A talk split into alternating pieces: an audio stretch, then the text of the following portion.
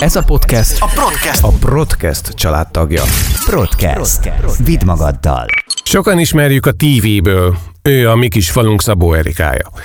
Kevesebbet láttuk őt a színpadon, pedig az az ő világot teremtő deszkája. Kétszer is volt a legjobb 30 év alatti színésznő a Pécsi poszton, ami nagy szó, de ennek most már 5 éve is lesz. Három évada a Radnóti Színházban játszik, nem is akármiket. Ő Székely Csaba 10 című bűnügyi drámájának hetedikje. Ő a művésznő és rajongóiban a művésznő, akinek meg kell küzdenie gazdag és kevésbé befolyásos pártolók ostromgyűrűjével. De vajon kinevet a végén? És ő, nos, a bánatos durvák is a Bekvárt színészzenekarban. Vagy hogy is van ez? Szeretettel köszöntök mindenkit, én Horváth Gergely vagyok, a következő szűk 50 perc hőse pedig Lovas Rozi, akivel még azelőtt beszélgettünk a Szentendrei Hédodó kultkaféban, hogy anyaszínházának közönsége a Radnóti történetében első színésznőként őt választotta a legjobb és legszeretettebb színésznek. A következő beszélgetésben Szabó Erika marad a tévében, de Lovas Rozi egyértelműen megjelenik. Függöny fel! No,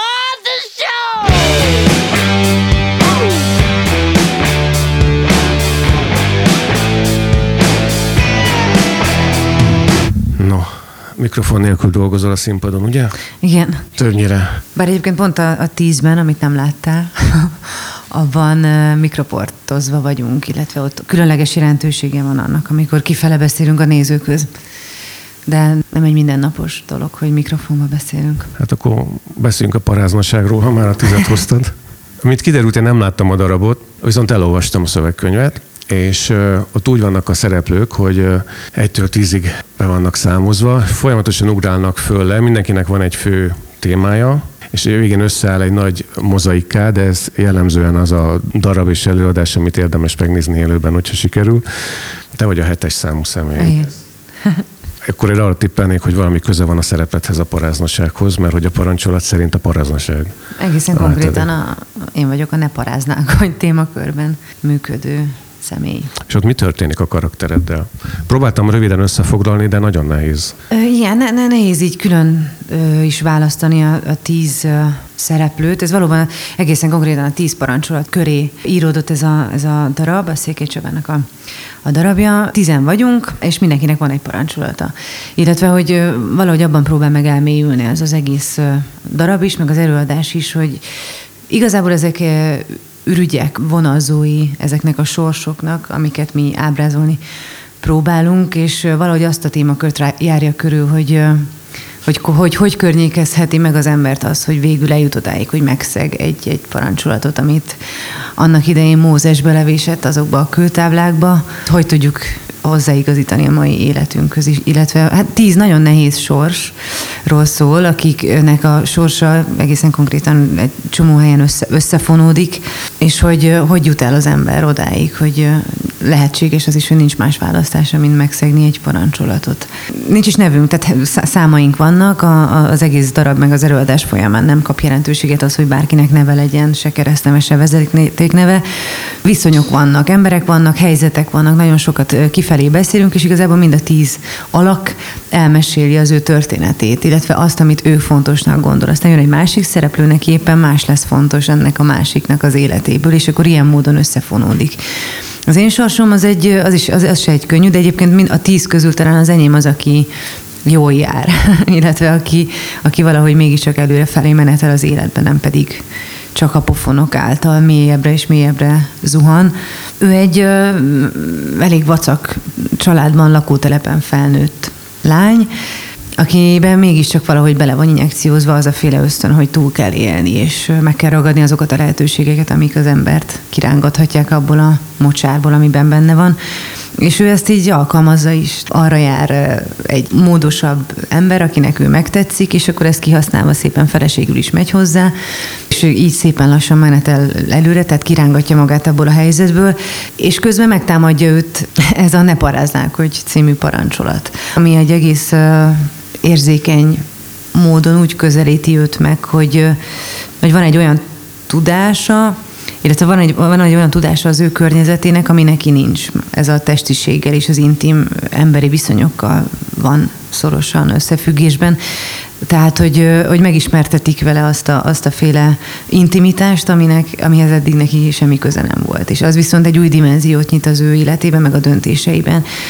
Tehát valahogy elé, elé furakszik a, a különböző tett esküknek ez a dolog. De az az izgalmas mind a tíz sorsban, hogy annyira közel kerülünk hozzájuk, meg ők maguk mesélik el, hogy hogy, hogy sodródnak egyik helyzetből a másikba, hogy talán az erénye az előadásnak, hogy, hogy nem ítélkezünk felettük, illetve nem jók meg rosszak vannak, hanem icipici kis élethelyzetek, amik icipici kis döntéseket szülnek, amiknek az a vége ezeknek a sorozatoknak, hogy végül ott tartunk, ahol azt gondoltuk, hogy soha nem fogunk, aztán mégis ott vagyunk. Tehát nagyon egyszerű helyzetekről van egyébként szó. Nyilván ez egy sűrítmény, de hogy ez, ez adja az alap motorját ennek az egész előadásnak. Hogyha kimondjuk ezt, hogy tíz parancsolat, akkor vagy valakinek egy pozitív hit vagy vallási élmény jut eszébe, vagy pedig egy ellenszem. De pont ezeket a sztereotípiákat teljes mértékben levetkőzi a Csaba, a Széke Csabának a szövege, meg az a féle szarkazmus és az a féle humor, amivel ő, ő ír. Tehát nem, nem jut eszébe szerintem a nézőnek, miközben nézi az előadást, hogy most valami erkölcsi példázatot lát, vagy bármi köze van ennek ahhoz a valláshoz, amit, amit úgy képzelünk el, hogy a templomban, nem tudom, egy szent misét végighallgatunk, hanem, hanem ez egy teljesen a való életre értelmezett élethelyzetek, ami alapvetően feltételezi azt, hogy az ember boldog akar lenni, az ember jó akar lenni, és alapvetően jónak is születik. És akkor mi történhet a különböző helyzetekben? és hogy kanyarodik el ettől az ügytől. Ezt szerintem nem, nem lehet be skatujázni egy, egy vallási kérdéséhez, általános erkölcsi emberi kérdések ezek. Emberi dolgokról szól, és számomra mindig az az érdekes. Végigfutott rajtad, vagy akár a szereplőtársaidon is, hogy személyesen melyik a legnehezebb parancsolat? Ebből a tízből. Mármint ugye a saját privát életemre vonatkoztat? Hát arra gondoltam, igen. Hát sok kérdést vet fel, igen. De érdekes, hogy tehát magán a tíz parancsolaton, hogy, hogy egyébként számomra mit mond, azon, azon kevesebbet gondolkodtunk, meg kevesebbet elemeztünk, mint magukat az adott helyzeteket. Tehát picit azért tágan van értelmezve egy-egy parancsolat is, szóval nagyon sok minden történik, mint hogy az ember életében nagyon sok minden történik, de az adott, adott történet egy-egy dologra hegyezi ki az egészet annyira személyes lett, meg annyira mindenkinek személyesen a saját története lett, meg annyira mindenki a sajátjában volt benne, hogy azt, hogy értelmezze a saját életére vonatkoztatva, hogy ilyen távolról nem, nyilván mindenkinek külön-külön vannak erről gondolatai, de egyik se tűnik túl könnyűnek.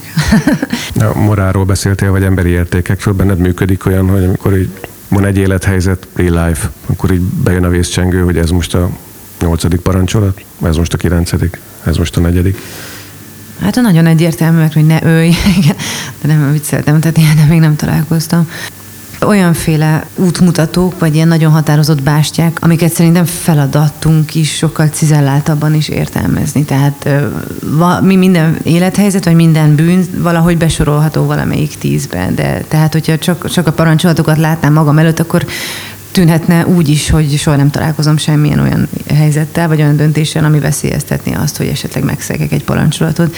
Tehát azt hiszem, ezeket az ilyen mindennapi egyszerű életünkben sokkal alattomosabb módon kúsznak be azok a helyzetek, ahol az ember esetleg a saját morálja ellen, vagy a saját erkölcsi parancsai ellen tesz. Úgyhogy én próbálok minél kifinomultabban állni ezekhez a kérdésekhez. De szerencsére a szakmám által gyakorlatilag minden helyzethez így állok, vagy legalább három-négyféle verzióban gondolok minden helyzetre, mint ahogy a színészi munkámat is így végzem. Volt már olyan szerep, vagy akár csak ajánlat az életedben, ami ezt a alattomosan bekúszó szituációt így megpendítette benne? Tehát, hogy az effektív nem akartad, vagy érezted, hogy az nem az, nem, nem az a szerep?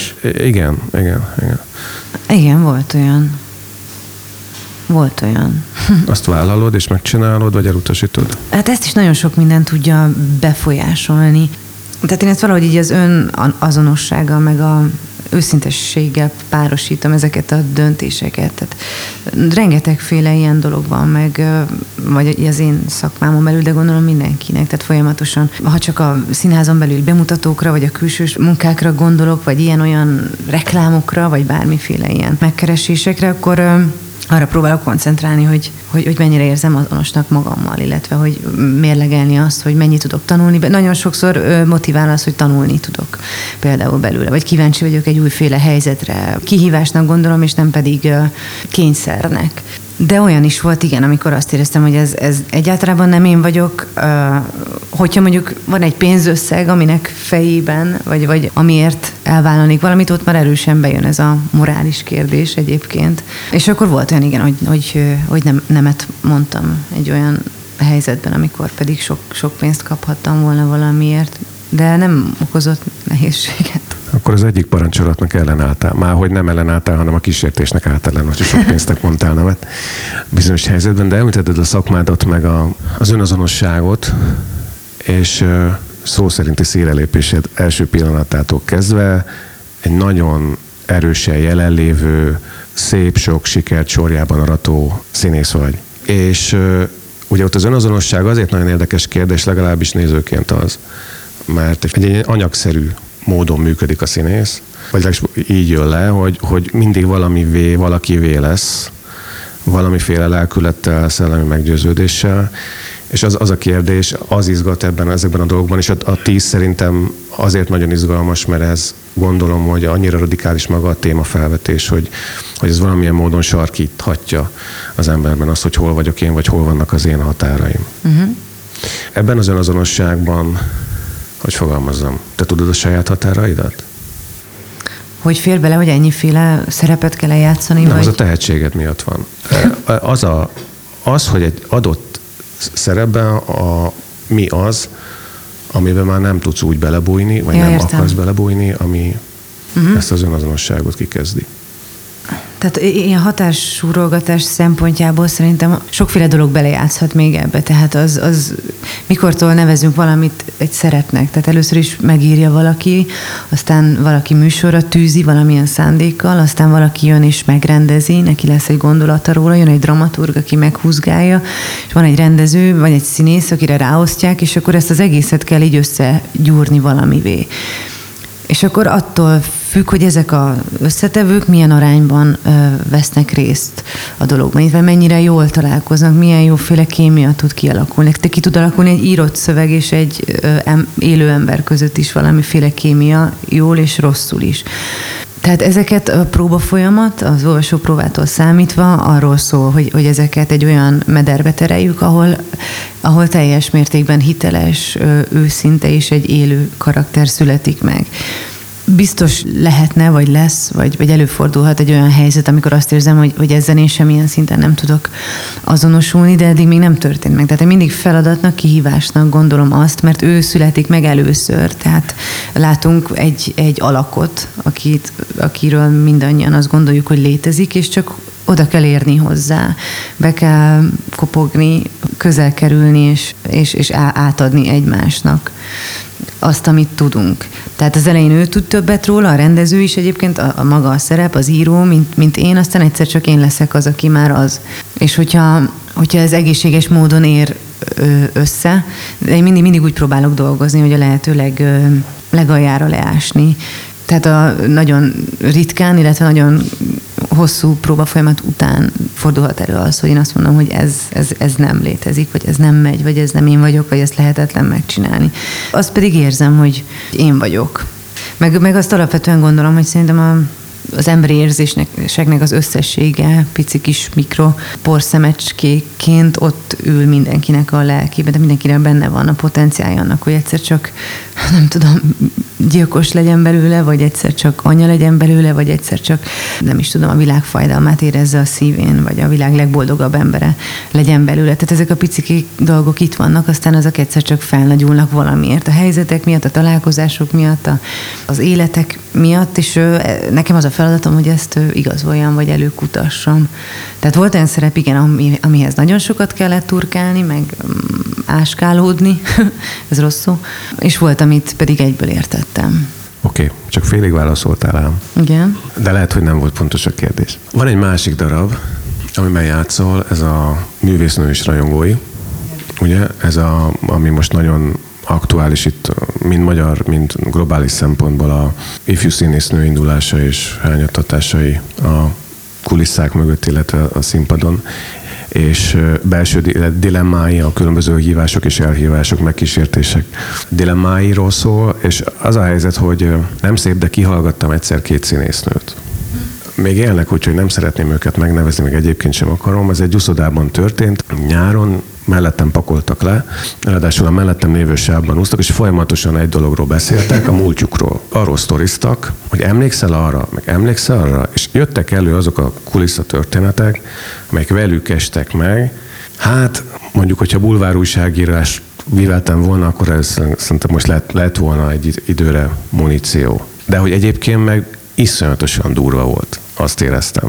De ők ezt nem így mesélték el, hanem egy ilyen a közös emlékezés, nem is tudom, öröme vagy, vagy ilyen mélázása kapcsán. És arra gondoltam, hogy akkor, hogy na ezért nagyon necces vagy nehéz lehet egy, egy színésznőnek indulnia a pályán, egyébként gondolom egy fiatal színésznek is, mert hogy olyan törvények vannak, vagy olyan szokás, rendek, szokások, nem minden más, az egyértelműen kiderült ezekből a beszélgetésekből, aminek van egy saját kis belső törvényszerűsége művésznő és rajongói, az meg ugye valahol pont ezt firtatja. És az a kérdésem, hogy amikor te nagyon fiatal, egyből látványosan tehetséges színésznőként belekerültél a színházi rendszerbe, akkor ezek a belső határok, amiről te tudod, hogy hol mit adsz még oda, és mit már nem, ezek mennyire voltak szilárdak?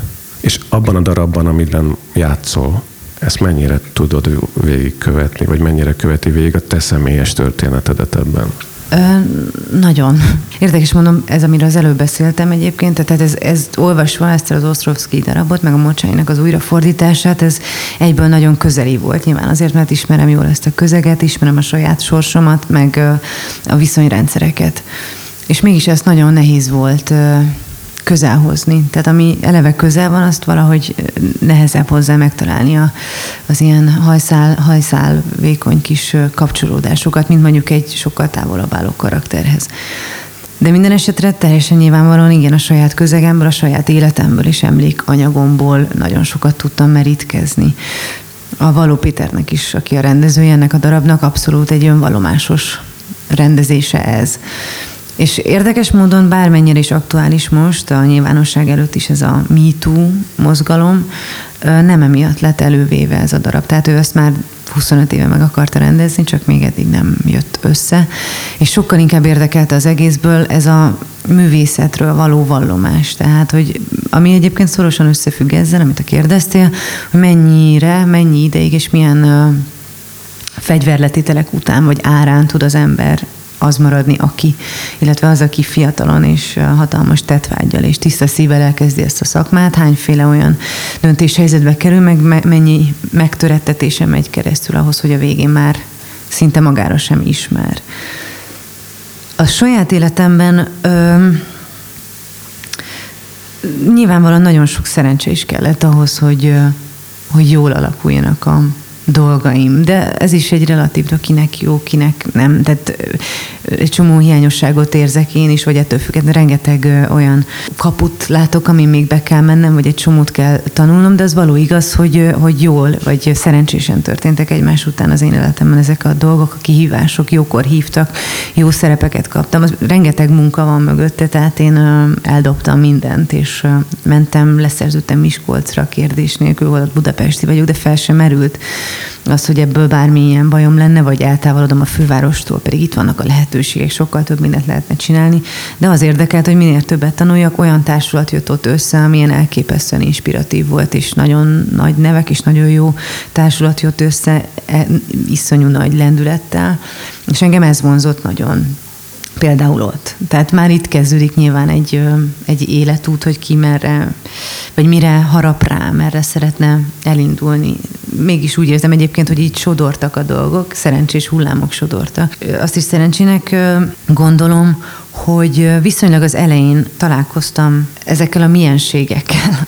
Tehát, hogy, hogy kell-e valamilyennek lenni ahhoz, hogy szerepet kapjak, kell-e valamilyennek lenni ahhoz, hogy jóba legyek a társulattal, vagy felfigyeljen rám az igazgató, vagy bizonyos rendező, tehát kell-e másnak lennem, mint amilyen én vagyok. és ez elég hamar, tehát így az első hetekben, amikor Miskolcra lekerültünk, szinte mindenki új volt egymásnak, van, aki távolról ismerte egymást, de hogy minden eset teljesen új közeg volt, így elég hamar letisztult az én fejemben ez a kép, hogy nem, tehát láttam igen olyan velem együtt végzett, vagy még főiskolás lányokat, fiúkat, akiknek ez nagyon ment, hogy hangosabbnak lenni, mint amilyen a saját hangom, viccesebbnek lenni, mint amilyen vicces vagyok, és mindez azt szolgálja, hogy, hogy észrevegyenek. De tehát vala valamiféle nem is tudom, exhibíció, vagy uh, okoskodás, vagy uh, akaratosság van emögött nyilvánvalóan, és akkor én például nagyon megrettentem, hogy Atya Isten, ezt kell csinálni ahhoz, hogy az enyém legyen az a hivatás, amit választottam, illetve hogy művelhessem. És aztán az elég hamar bebizonyosodott, hogy nem. Tehát, hogy ez teljesen éppen elég, amilyen én vagyok, és az is tud érdekes lenni. És ez a visszacsatolás, ez ott így helyre is rakta ezt a dolgot. Tehát soha nem éreztem azóta olyan helyzetben magam, hogy valami ennek lennem kéne, vagy valamit magamra kéne erőltetni, ami ilyen nem vagyok, vagy amit nem akarok ahhoz, hogy sikerem legyen, ahhoz, hogy megkapjak egy szerepet, vagy bármi. Tehát nem kerültem ilyen helyzetbe. De nyilván kell az embernek a miensége, a nyitottsága, az intelligencia is kell hozzá bizonyára, érzékenység, tehát folyamatosan figyelni, érzékenynek lenni, empatikusnak lenni, eldönteni, hogy mi a fontos, merre szeretnék menni. Tehát ez egy folyamatos ö, ö, agyalás, vagy örlődés, vagy ilyen érzelmi hullámvasút, ami van, de én élvezem. Az jó, mi is élvezzünk téged, már hogy színpadon, amikor vagy. Nyilvánvalóan közeget, csak arra gondoltam, hogy, hogy az amerikai példát látjuk kicsit jobban, meg a hollywoodi megszellőztetett ügyeket, meg a színházi ügyeket, és ott valahogy azt lehet látni, hogy a, az emberi kapcsolatok közelségére vonatkozóan egy, mintha egy más törvénykezés lenne, vagy folyamatos áthágási kísérletek. Tehát maga, maga a műfaj, tehát ez a színház olyan, most egy félig említettél is, ezért kicsit olyan felemás, meg nem annyira szerencsés, hogy kizárólag ennek a szakmára vonatkoztatóan lett ennyire nemzetközi ez a téma, mert hogy valószínűleg ez az ügy elég sok területén az életnek jelen van, csak kevésbé látványos, illetve talán alapvetően van a világnak, vagy az emberek egy részének egy bizonyos sztereotípiája a színészekről, a színházi világról, a filmes világról, hiszen egyébként e- e- ezt se tudom felróni nekik, hiszen ez a munkánk, tehát én folyamatosan hozzáérek, megölelem, megcsókolom, összeveszek vele, úgy viselkedek, mintha szeretném, tehát hogyha így kívülről beszélek a saját szakmámról, akkor tök idióta dolgokat is művelünk, de mégis ez a sajátja annak, hogy le van vetközve egy csomó gátlás, egy csomó fal, mert hogy ahogy a legelején mondtad, ebből dolgozom, ez az én agyagom, amiből elkészül majd egy szobor. Ezt értem. Igen. Én egyszer dolgoztam 20 évvel ezelőtt filmprodukcióban, és ott nagyjából az történt, ami Harvey Weinstein körül történik. Tehát én tapasztaltam azt, hogy a produc- az akkori producernek lényegében nem járt máson a feje gondolata, hogy melyik színésznőt, vagy melyik piárost, vagy melyik, nem tudom, kislány, nagylányt, hölgyet, hogy amikor tudja elvinni bárhova, és tudja átírni a határokat oda, hova ő szeretné. Igen, de ez a hatalommal való visszaérésnek a, tehát hogy jobban hasonlít ahhoz, mint sem egy ilyen férfinői, vagy egy színházon belüli. De ennek te képességében voltál? Vagy vagy? De ö, tehát nem találkoztam olyan helyzettel, ahol, tehát ne, ne, nem általánosítanék. Vannak, hogy ne, láttam, nem tudom, hallottam, tudok olyan esetekről, amikor ezt annak lehet nevezni, hogy át van lépve egy határ, és nem csak színházi világon belül. Én nekem nem nem, nem jött szembe egy olyan helyzet, hogy valaki azt mondta, hogy már pedig letérdesz, vagy nem kapod meg a főszerepet. Tehát nem voltam ilyen helyzetben. Máshol voltam ilyen helyzetben. Tehát nekem van egy élményanyagom például a vezető oktatómról, amikor ő elég erőteljesen átlépett egy határt. És az, és az például egy olyan emlékanyag, nem történt nagy baj, de amikor ezt mondják, hogy miért nem mondott nemet, vagy miért nem szállt ki a kocsiból, vagy miért nem látta előre, hogy ennek ez a vég. Ne, nem.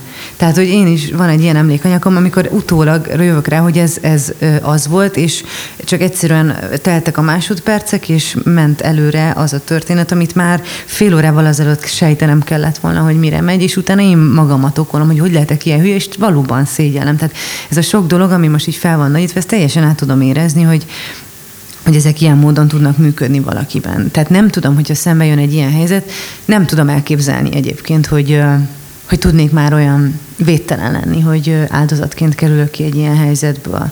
De valószínűleg, ha ez nem tudom, 20 évesen vagy 22 évesen jön szembe velem, akkor tehát tudatlanként és nem is naívként, hanem egyszerűen jó hiszemű, még keveset látott emberként meglepetésként ért volna nyilvánvaló. Ehhez képest mi történik a darabban vagy szerepelőddel? A darabban egy az egybe erről, erről szól. Tehát ez, ez viszonylag a legelején megtörténik, hogy ott is van egy színház, egy színházi közeg, fiatal színésznő, igazgató, rendező, színésztársak, anyuka, egy barát, mint az én vőlegényem, és akkor e- ezen a körön belül zajlik az összes bonyolom, és már a legelején megtörténik egy olyan erőszak, az, az, tehát azt a Péter ott nem is akart lacafacázni, tehát hogy, hogy hasonlít-e valamilyen helyzetre, vagy hogy ez most már ez vagy nem, ez az, ami. Tehát a lehető legbrutálisabban próbál megmutatni egy olyan helyzetet, amikor egy nő nemet mond, és egy férfit ez nem érdekel. Egy pályája elején van, és innét indulunk. Innen indulunk, igen. Ő már egy szerződésben, egy, egy, egy színházban, egy szer- szerződésben lévő színésznő, akit semmi más nem érdekel, csak az, hogy egyre jobb legyen, hogy űzhesse a hivatását, és elképesztő nagy tervei, meg elképzelései vannak erről. Szintisztán az érdekli, nem érdekli, hogy milyen, hogy néz ki az öltözője, vagy milyen lakásban lakik, vagy mennyi pénzt kap érte, hanem ezt szeretné csinálni. Azért szeretne szép ruhát, mert a saját előadásában ő, ő, ő, ő szerzi be a jelmezét, tehát azért fontos, hogy a maga a mű, amit létrehoz, az jól működjön. És akkor egyre többet ért meg abból, hogy egyébként mi ez a világ, vagy mik azok a fickók, akik a színház körül mászkálnak szimplán azért, mert az egy sik, hogy semmi közöm a színházhoz, de támogatója vagyok, tehát igazából picit beleszólok a színház műsorba, picit a színésznők közelébe lehetek, igen, mert az mégiscsak egy picit ilyen, ilyen, ilyen nem is tudom, liberálisabb közeg, mint, mint az, amikor valaki nagyon el- eltartja magától a férfinői kapcsolatokat. És akkor mi az, amikor valaki átlépkedi ezeket a határokat, többet gondol magáról, és eljut odáig, hogy gyakorlatilag az ő kezébe van az, hogy te kapsz a szerepet jövőre, vagy nem. És ő pedig próbál ezzel nem foglalkozni, ezt figyelmen kívül hagy, és akkor így recsen meg egyre többször, ahogy haladunk előre az időben, és egyszerűen átmegy rajta ez a gyors vonat, és megtapasztalja azt, hogy nem, nem, nem lehet. Illetve a kettő együtt nem fér össze. Tehát, hogyha, hogyha te ilyen határozottan a tartásodból és az erkölcsi sziklaszilárdságodból azt mondod, hogy nem, akkor az a nem, az egy mínusz lesz a másik oldalon, és akkor viszont szevasz. Tehát akkor nem kell lesz ide akkor viszont nem leszek színésznő. Most én mit szeretnék jobban színésznőnek lenni, vagy csak úgy elmenekülni, élni. Tehát nagyon-nagyon komoly kérdések, és morális kérdések is, meg művészi kérdések is. Tehát alapvetően ő egy menekülésre ítélt lány, már az elejétől fogva, nem tud, nincs senki, aki megvédeni, nincs senki, aki megérteni igazán. Tehát kénytelen döntéseket hozni. Mi, hogyha abba az adott pillanatban akkor lehet nem is tűnik ez egy ilyen nagy horderejű döntésnek, de aztán visszagondolva minden icipici kis jobbra-balra, vagy hátra-előre mozgás, az mind-mind egy-egy döntés volt, ami végül elkanyarította onnan, amiért ő ezt az egészet elkezdte. És a Pétert ez érdekelte, és ő bele is rakott egy ilyen kis kódaszerű dolgot. Tehát én eléneklek a legelején egy dalt, egy picike kis zongorával, és a végén is már egy kísérettel. Tehát látjuk közben a darabot, meg ezt a lányt, hogy mi történik vele, és ahhoz képest teljesen más, máshogy hangzik ez a dal a legvégén. És hát nincs vidám vége. Te hogy állsz a darabokban felelhető tapasztalatokkal? A Hugh Grantnek volt egy korszaka, amikor sorra gyártotta a romantikus komédiákat, jobbnál jobbakat nagyon megszerettük ebbe a szerepbe, és ugye ott mindig volt egyfajta recept arra, hogy az ember hogyan tud egy normális párkapcsolatot kialakítani. De ez volt a filmeken. És akkor jöttek a Hugh Grantra hírek, és akkor izé, hát most egy kétes hírű hölgyel volt egy autóban, kétes pozícióban, hát most éppen nem tudom, mi történt, és jöttek ezek a dolgok, de lényegében kialakult az a kép, hogy képtelen kialakítani normális kapcsolatot valójában a saját való életében. Igen, dacára annak, hogy ő az első számú romantikus komédikus, vagy komédikus van ilyen, mindegy, tehát ő a férfi is az ilyen romantikus komédiában. Mondjuk, amikor egy ilyen véggel találkozol, mint a művésznő és rajongói van, ami úgy fogalmaztál, hogy nem, hát nem szép a vége. Akkor ez téged elgondolkodtat, megrettent, figyelmesebb, óvatosabb össze? Mi történik? Igen, eddig azt vettem észre, hogy az ilyen nagy horderejű szerepek, amik megtaláltak, azok mindig beépültek. valóságosan ez egy terápia is igazából ez a szakma, amit én csinálok, meg rettentően nyitottá és empatikussá tesz a világra az emberek. Tehát minden ilyen nagy horderejű szerep, amivel találkoztam, az mind tanított valamit. Valami másféle nézőpontot, valami másféle emberiséget.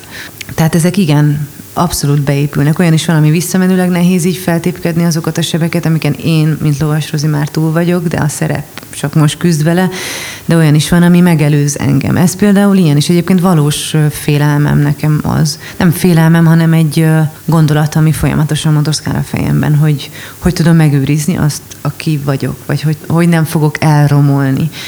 Illetve nyilván az ember rengeteg sokféle dolgot csinál, és szerintem a nemek is ugyanúgy meghatározzák, mint az igenek.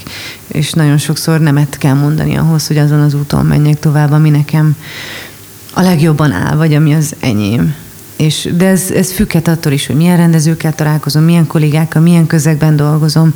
Oda-vissza tudnak adni ezek egymásra, és nagyon fontosnak tartom, hogy azt, azt a féle frissességet, vagy hithűséget, akarást, kíváncsiságot, azt úgy, vagy félig gyermekiséget így megőrizem magamban, ami szerintem kell ehhez a dologhoz. Tehát ne romoljak el. Amit kérdeztél még korábban, hogy bölcsebb vagyok tőle, empatikusabb, nyitottabb, elfogadóbb attól, hogy ennyi szerepen keresztül verem magam, de ezek belső emberi dolgok, és nem pedig alkalmazott tudomány. Tehát, hogy, hogy, hogy ott valami bejön, és akkor elkezdem működtetni az életben, ez eszembe se jutna. Tehát annyira távoli a kettő, hogy nem, tehát attól még, hogy mondjuk egy erős, nagy pofájú nőt játszom, ki teljesen biztos a nőiségében, meg a szexualitásában mondjuk a tízben, Egyetem biztos, hogy kedd délután én így érzem magam a nem tudom hol. A és keddestére hogy mész le a előadásba ebbe? Kedd délután nem így érzed magad, de keddest a színpadon vagy Igen, ez, na, na, ez például egy nehézsége annak, amikor, de ez oda-vissza érvényes, tehát állati rossz napon van, és egy vígjátékot kell játszani, vagy nagyon jó napon van, és mélységesen szomorúnak kell lenni a darabban. Tehát ez, ez meg a feladat, a megugrandó minden, minden este. Hát a szüleid a reménység lakótelepen éltek. Remény lakótelepen. Bocsánat, remény lakótelepen éltek, és junkie életmódot folytattak. Már hogy a darabban, bocsánat, a tízben így indulva, ilyen kemény, kemény származás. Igen, az is, az is kérdés, hogy milyen attitűdben fogalmazom az elején. Tehát én nem mint egy tragédiát mesélem el, hanem igazából kiröhögöm a múltamat, és ezen én már túl vagyok. Tehát én már abból beszélek, amikor elkezdek magamról beszélni, hogy én már túl vagyok, nem tudom, hány fickón, meg gyereken, meg szerencsés fordulaton. De attól függetlenül beszélek a múltamról, ami meg nem annyira vidám, de attól még beszéltek róla vidámon. De amúgy egyébként minden este, vagy minden előadásban én azt a játékot is szeretem, hogy attól tud jelen idejű, lenni, és igaz, mert valójában minden előadás egy improvizáció, tehát hiába, hiába van leszögezve egy csomó minden, meg kötött szöveget, kötött mozgásokkal mondunk el, a lelkem, az, az, az ugyanolyan fürge, mint bármikor, tehát ahhoz kell, hogy alkalmazkodjon, vagy, vagy azt az adott napot kell belevinni, vagy adott állapotot abba, abba a keretrendszerbe, ami fel van építve egy előadáson belül. Tehát ez egy mindig egy izgalmas játék, hogy egyébként azt az adott napi vidámságot, csalódottságot, szomorúságot, vagy hiányt bele szuszakolni abba, ami van. Ez is a hitelesség, meg jelen idejűség része, hogy nem, nem akarok máshogy tenni, mint ami van. Hány év telt el a színészik pályafutásodból eddig? 12-ben diplomáztam. 12, 2000, nem tudom. 2000, de 2007-től 2012-ig jártam az egyetemre. 2014-ben voltam Miskolci második év. Igen, szóval így. Mennyi? 10... Hát hozzáveszünk a sulit, vagy nem Most 19 hozzá? van? 19 és csütörtök. Hozzáveszünk a, a sulit, vagy nem? Aha. De hozzávehetjük. Akkor 12. Jó. Jó. 12 év tapasztalatod már van, lediplomáztál, és az első két évben egyből egy ilyen nagyon-nagyon erős és látványos nyitásod volt díjakban. Ugye azt hiszem, ez akkor volt, ugye, amikor a poszton kétszer voltál a 30 év alatti legjobb színésznő, meg Prima Junior díj, tehát ez, ez egy nagyon intenzív időszak alatt egy nagyon-nagyon erős elismerés. Arról volt szó, hogy hát megjelent az új magyar komika. Egy olyan színésznő van, aki mélységből tud olyat játszani, amelyben a humor és a dráma változkozik. Tehát ezt így pillanatról pillanatra váltani és villantani tudja, és ebből kevés van. Hollywood legjobb színésznői tudják ezt. Meg hogy te vicces vagy, meg humoros. 14-15 után akkor elmentél Táliába, ami full szórakoztató színházi produkció, és akkor az utóbbi éveidben meg azt lehet látni, színpadon, ami gondolom azért inkább neked a test közel. Ott, mint hogyha ezekből az induláskoron jellemző szerepkörből, vagy neked tulajdonított, vagy megítélt szerepkörből elváltál volna, vagy, vagy tudatosabban árnyaltad volna, és kifejezetten, mintha az akkori karaktered ellen lévő szerepeket vennél De mi, mi, mi, mi volt az akkori karakter? Olvastad a kritikákat akkor magadról? Igen, de akkor se vicces szerepeket játszott. Nem, de nagyon egyértelműen benne volt, Ja. hogy erre neked képességed van. Nem, nem, semmilyen tudatos, meg én nem, tehát kívülről nem nagyon látom így magammal, mármint a jelentésemet. Tehát azt, azt tudom, hogy, hogy, hogy mit csinálok, vagy mit szeretnék csinálni, vagy honnan dolgozom. Az nem baj, nem látod magad kívülről, De hogy így látunk az... Igen. Csak azért kérdezem meg kívülről, és ott ez látszik. De a humor, vagy a, tehát ez, ez a féle szarkazmus, ez abszolút része az életemnek, nem, nem áll szándékomban ellene menni, meg, meg ezt próbálom egyébként megőrizni a, a szerepeimben, vagy nagyon sokszor vissza. Jó, akkor, a, akkor, tér. akkor, bocsánat, nem akartam uh-huh. félbevágni. Talán akkor direktebben megfogható az a pont, hogy miért jöttél el a táliából, ahol ezt a képességedet Aha. gondolom azért is ment, hívtak, mentél, nem tudom. A lényeg az, hogy azt ott ki tudtad élni, vagy helye volt, és akkor átmész a Nagymező utca Sréhenszembe, ahol viszont már másról szól a színpad. Igen, tehát ennél, ennél cizáláltabban ö, voltak a, az indítatásaim a váltásokra. Egyébként ami, mielőtt a táliába kerültem, akkor, akkor nagyon is hiányzott hiányoztak a végjátékok az életem, hogy azt éreztem, hogy már nagyon kifacsartam a lelkemet már úgy a fenekestül mindenhogyan, ahogy volt, és milyen jó lenne néha egy jó kis végjátékot játszani, ami akkoriban nem volt. És akkor jött egy invitálás a, a Tália Színházba, ahol ö, alapjába véve ez pont, hogy zavart egyébként, hogy itt nagyon egyféle műfajban fogok valószínűleg részesedni, hogyha, hogyha itt maradok, meg még azon belül is inkább a, tehát tényleg az ilyen bulvár része, de mindazáltal tényleg hiányzott egy kicsit az életemben, másrészt pedig olyan társulat van ott, meg olyan nagyszerű emberek, és egyébként olyan jók közeg, hogy nagyon szívesen mentem, és az egy, az egy, az egy megint egy másféle kíváncsiságomnak a kielégítése volt ott akkor. De én igazából soha nem gondoltam másképp magamra, mint ahol most vagyok. Valójában én e- ezt a három színházat tudtam álmaimban elképzelni magamnak, a Katona, az Örkény vagy a Radnóti színházat, tehát ö, én abszolút egy ilyen sötétebb, tónusú, drámai lelkületű embernek gondolom magam, tehát nem, nem vígjátékinak. És most ez olyan, mint a hazataláltam volna. Vagy megérkeztem volna inkább. Tehát a Radnóti az olyan, ahol először érzem azt, hogy sehova sem mennék. Te 12-ben, amikor lediplomáztál, hogyan képzelted el a színészi és magánéleti paralel új vedettet, mint, mint színésznői karrier? Nem nagyon szoktam elképzelni, meg álomszerepeim sincsenek. Annyira ö, tág volt akkor még az az óló, ahol, ö, amiről úgy éreztem, hogy kedvem van hozzá, kíváncsi vagyok, tanulnom kell, hogy... Tehát nem terveztél? nem, nem, nem, nem. Nyilván dolgozni akartam, nagy szerepeket eljátszani, nagy, nagy kihívásokkal találkozni, tanulni, inspiráló emberekkel találkozni, színészekkel, rendezőkkel, szívni magamba azt, ami van, és, és minél több kis ablakocskát kinyitni a saját mienségemen, és fejlődni. Tehát ez, és ez, ez vitt egyik helyről a másikra is egyébként, és soha nem volt elég az, ami van. A, a, a, ott arra azért vagyok kíváncsi, ott azért, arra pedig azért. És, és ezeket mind ö, magamba szívtam, és tanultam egy csomót. És egyébként mostanában érzem azt, hogy ez az olló, amiről beszéltem, ez, ez, ez egy szűkül befelé. Tehát már egyre több olyan van, amiről tudom, hogy nincs rá szükségem.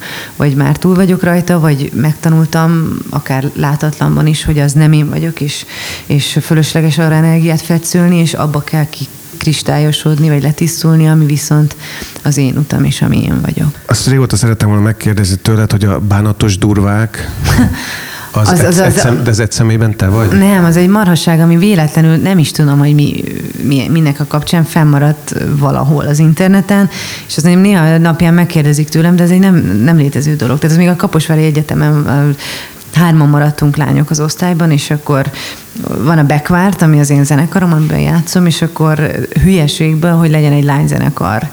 Valaki kitalálta, és akkor valamelyik fiú pedig ezt a nevet adta neki, és ez valahol valamikor felkerült valahova, és azóta ez így van, de közben nincs. Hát ez, de tudod, hol van ez a valahol?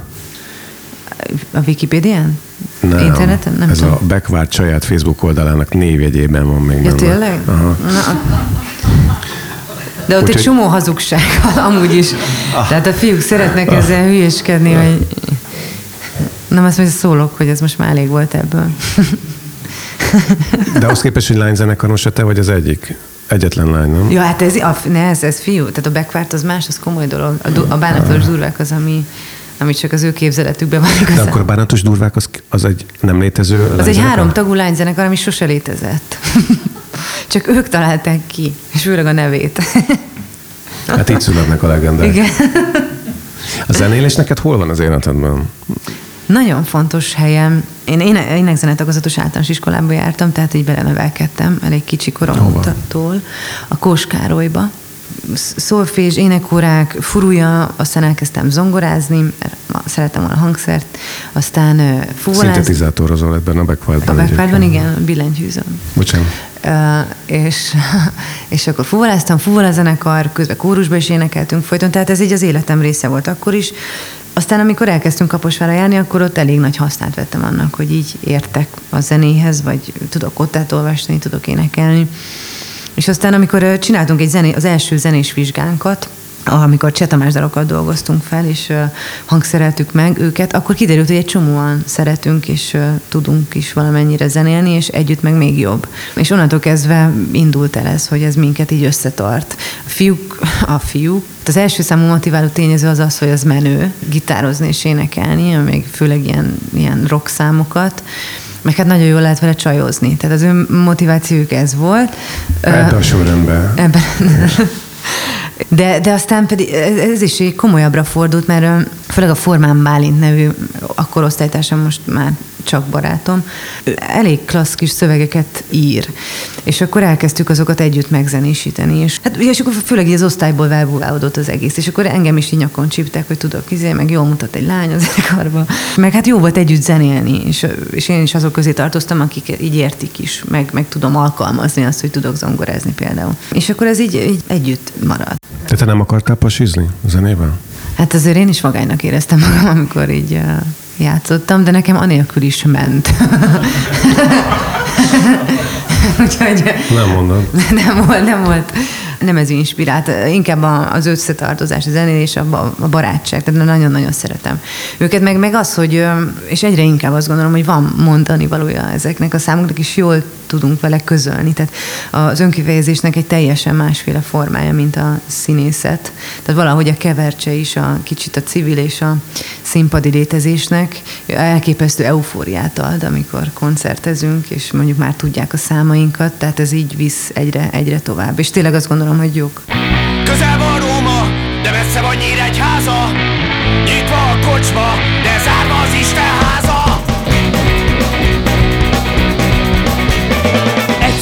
Utálom és egyszerre szeretem az egyszerű embereket Akik mindig emlékeztetnek arra, hogy én is az lehetek. Nem hiszed el, de ezen a földön még mindig csak az első napomat töltöm. Ha nem tetszik neki, meg ha tetszik, meg megijed a férfi, ma sokszor ilyen. De ezer nem utás, sok marad, akit még boldogít az igen. Olyan ez az egész, mint egy álombörtön Még mindig csak az első napomat töltöm. Ha nincsen pénzünk, nincs személyiségünk Ha nincsen pénzünk, nincs személyiségünk. Hiába vagy te a világ bölcse, a saját versei nincs, aki kölcse Jó, persze tudjuk, néha rögös az út, de mindig van valami, ami örömet nyújt. Reggel a tükörbe azt tükröltöm, még mindig csak az első napomat töltöm. Ha nincsen pénzünk, nincs személyiségünk. Ha nincsen pénzünk, nincs személyiségünk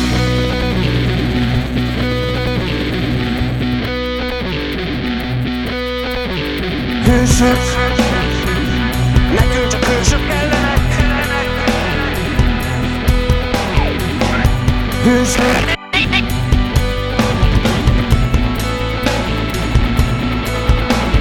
Hősök Nekünk csak hősök kellenek. Hősök Hősök Hősök Hırsız Hırsız Hırsız Hırsız Hırsız Hırsız person.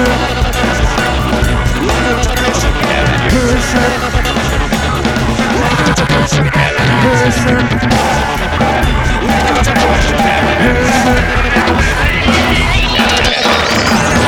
Hősök utálom és egyszerre szeretem az egyszerű embereket Akik mindig emlékeztetnek arra, hogy én is az lehetek.